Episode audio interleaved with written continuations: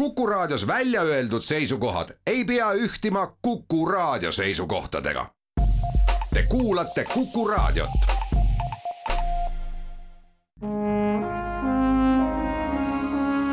Vanemuise veerand. Vanemuise veerand alustab. tere kõigile, kes meid kuulavad, mina olen saatejuht Tiia Rööp. viieteistkümnenda aprilli õhtul esietendub Sadamateatris sada grammi taevasina, lavastus, mis on inspireeritud Artur Alliksaare elust ja luulest. jutuajamine, mida teile saates kuulata pakume, on räägitud paar nädalat tagasi, kui Kuku raadio stuudios oli külas näidendi autor ning lavastaja Urmas Vadi. milline oli sinu suhe Artur Alliksaarega enne kirjutama hakkamist? no see suhe oli muidugi kohe algusest peale väga hea, sest ma kunagi, kui ma käisin äh, gümnaasiumis ja meil oli ülelinnaline luule lugemise võistlus. tahtsin ka seal osaleda ja siis ma õppisin pähe Artur Alliksaare eh, luuletuse Õhtute kollane tolm. see oli täpselt see aeg, kui oli ilmunud see Alliksaare raamat Päikesepillaja, mille on Ilmamaa välja andnud ja noh, see oli kuidagi noh, võimas asi, et ma ei ütle, et ma olen kõikide Alliksaare luuletuste suur fänn, et ei ole aga just see, see rida, mida on hakanud ajama peale seda, kui ta loobus noh, värsis või noh, ütleme sellises klassikalises äh, riimis kirjutamisest, siis see, see vabadus ja see küllus ja fantaasia ja, ja see kõik kohutavalt paelub mind. et see kokkupuude on kohe algusest peale olnud väga kuidagi inspireeriv, et ta on minu jaoks olnud alati oluline autor ja ta on ka olnud alati selline autor, keda ma ei ole lugenud äh, järjest. Ja ma arvan, et teda ei saagi lugeda, ta on nii intensiivne, ta on nagu piiritus, et see on see, et sa ei joo tervet pudelit kohe ära, et sa pead natuke pitsi haaval seda võtma. et see on tõesti väga intensiivne. Ja, ja nüüd ma mõtlesingi, et kui ma hakkasin äh, ettevalmistusi tegema näidendi kirjutamiseks, siis ma mõtlesin, et ma loen järjest seda luulekogu, aga see ei ole võimalik ikkagi, nii et sellel kooli ajal, kui tekkis selline esimene kokkupuude tema tekstidega, see vaimustas mind, aga toona me ikkagi, meil oli hästi äge kirjandusõpetaja, kes on senimaani minu väga hea sõber,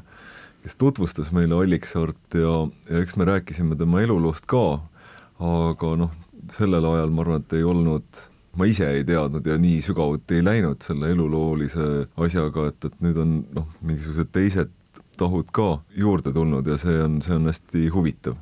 sa oled kirjutanud ju ka Juhan Liivist näidendi ja selle lavastanud, Eduard Vildest oled kirjutanud loo ja selle ise lavastanud. kas sinu vastusest võime välja lugeda selle, et Alliksaarega oli sul isiklikum suhe kui Liivi või Vildega? Ei, Äh, nad kõik on hästi olulised autorid minu jaoks, nii Liiv kui Vilde kui, kui Alliksaar. et ma ise nagu salamisi mõtlen, mitte et see kuidagi mingist otsast peaks välja paistma või kellelegi teisele tähtis olema, aga ma arvan, et see ongi, ütleme, selline triloogia kolmas osa, et see Alliksaar on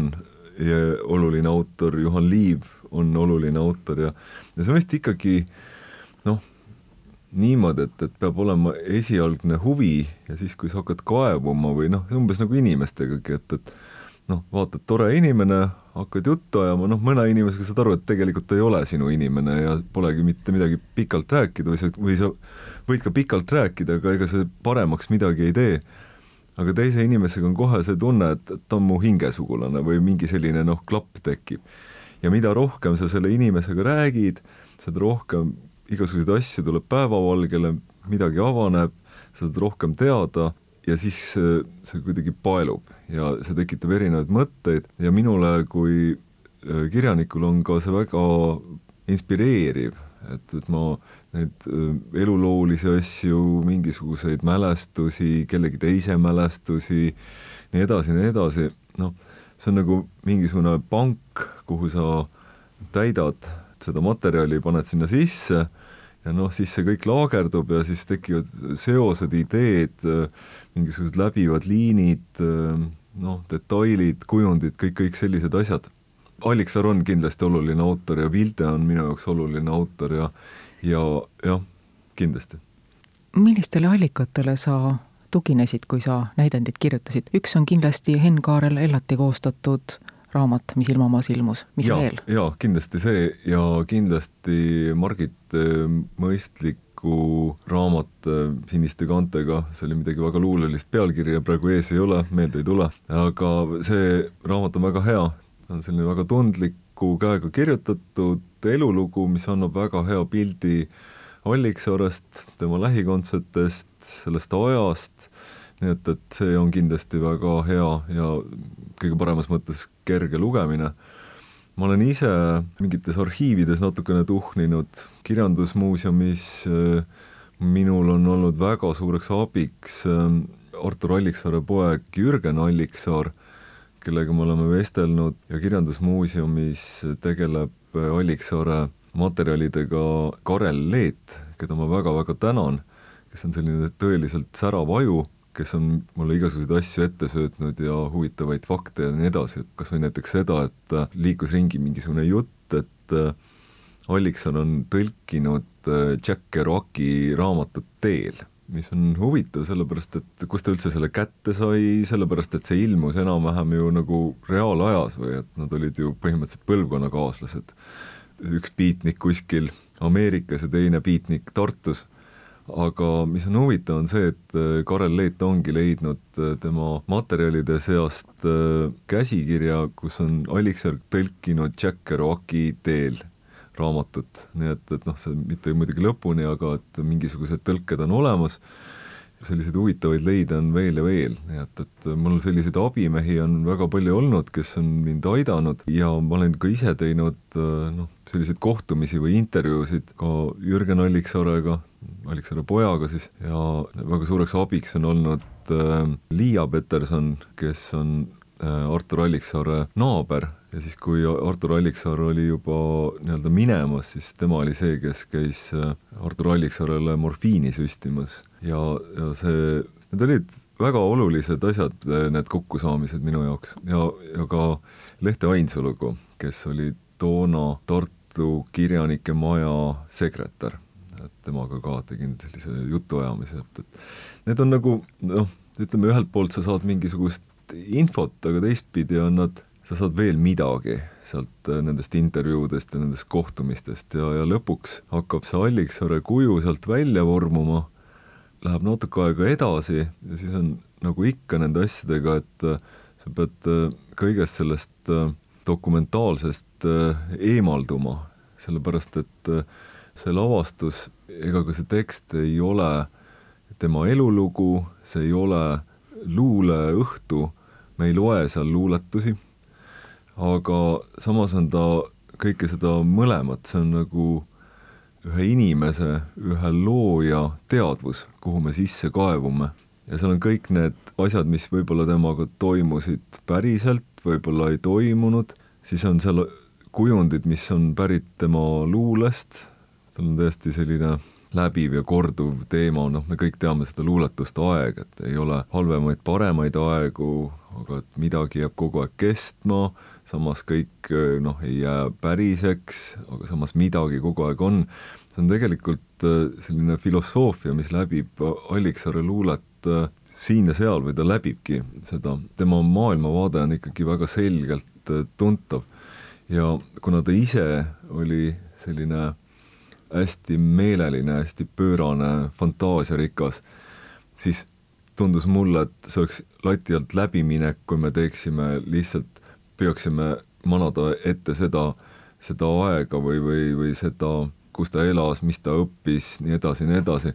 vaid et me võtamegi mingid teemad, viskame need õhku, fantaseerime, fabuleerime, tungime justkui ühe looja teadvusesse tantsime seal. nii et ei maksa tulla seda lavastust vaatama lootusega, et tegemist on kronoloogilise ülevaatega? ei, ja ma olen ise alati olnud väga skeptiline selliste, selliste eluloo käsitluste puhul, noh, selles suhtes ma väga austan neid, kes kirjutavad monograafiaid ja biograafiaid ja et kuidagi seda aega ja tõelust siis paberile või kuhugi panna ja talletada, aga aga mulle endale tundub, et isegi kui väga-väga tahta, isegi kirjutada nagu tuhandeid lehekülgi kellegi elust, siis paratamatult on see ikkagi kellegi vaade kellegi elule, mingitele asjadele, nähtustele. Ja see, see on ikkagi noh, mingisugune lõik või üks osa sellest, et me ei suuda anda edasi kellegi elu täielikult, et see on ikkagi mingisugune kujund, mingisugune kvintessents, mida kirjandus pakub ja jumal tänatud, et see on, et ega me ei jõua teha Alliksaare elust, ta elas ikkagi üle neljakümne aasta, noorelt suri, aga ikkagi see on nelikümmend aastat, sa ei saa kellegagi nelikümmend aastat lihtsalt äh, nagu jalutada, et nii pikki teatrietendusi lihtsalt ei tehta ja ja kui ta on juba lühem, siis ta ongi juba mingisugune kokkuvõte või üldistus, nii et paratamatult, aga mind huvitab kunsti ja kirjanduse puhul ikkagi, ikkagi need äh, nagu võimalused, mitte hakata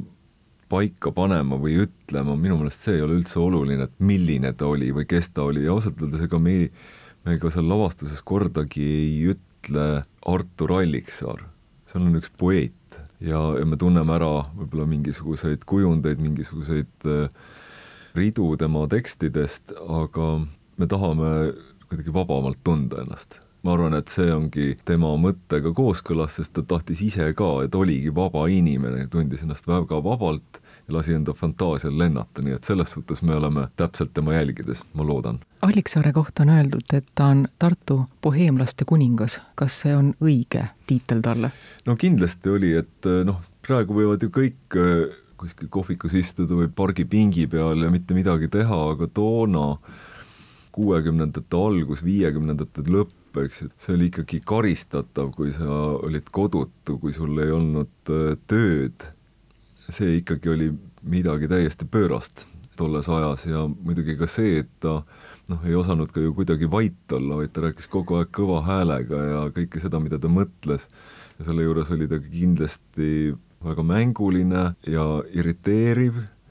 aga, aga ma kujutan ette, et noh, paljudele võis ka see olla väga tüütu, ta võiski inimesi väsitada ka, et see on ka kindlasti nagu, nagu üks osa, mis, mis temas kindlasti ka olemas oli, mida on ka nendes mälestuste raamatus ra,, raamatutes. Noh, lisaks sellele, et on öeldud, kui võimas ja äge inimene ta on olnud, et on ka mainitud seda, jah. räägime mõne sõnaga näitlejatest, kes on trupis, kes mängivad meil on äh, üks poeet, keda mängib äh, Veiko Porkanen ja kolmteist äh, näitlejat on Leena-Barbara Luhse, Piret Laurimaa ja Reimo Sagor, kes mängivad siis kõiki ülejäänud tegelasi ja neid tegelasi on kokku, ma arvan, et noh, mingisugune viisteist või midagi sellist. nii et ralli käib. üks küsimus veel. kas pärast seda, kui sa tegelesid Artur Alliksaare isikuga, kas mõned luuletused muutusid teistsuguseks? lugesid sa sealt midagi muud välja? jaa, kindlasti, see on hästi oluline tähelepanek, et paratamatult, eh, kui tekstiga hakkab kaasa kõlksuma noh, inimese mingi elulugu ja paratamatult ta hakkab, et, et siin ei ole mitte midagi teha, et eh, me võime küll rääkida autori surmast ja sellest puhtast teksti lugemisest, aga ega see ikka lõpuni võimalik ei ole ja ma arvan, et see ei peagi olema see on vist üsna nagu normaalne, et kui loeme Tõnu Trubetski tekste, et siis meil kohe kangastub nahk tagis ja päikseprillides tüüp ja ja ma arvan, et Alliksaarega on seesama, et kes on tema elulooga kursis või, või noh, seal nende linnalegendidega või tema sellise kujuga, pikk mantel,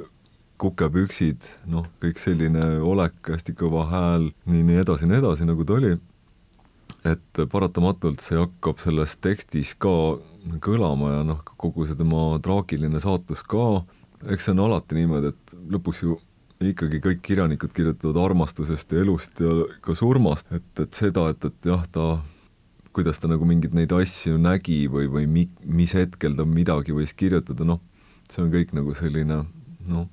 tõlgendamise küsimus, aga jah, eks nad muidugi on loomulikult mingit teistmoodi avanenud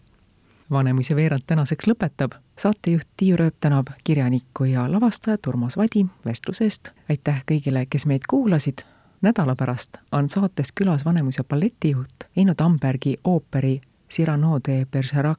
lavastaja Mare Tomingas. jälle kuulmiseni. Vanemuise veerand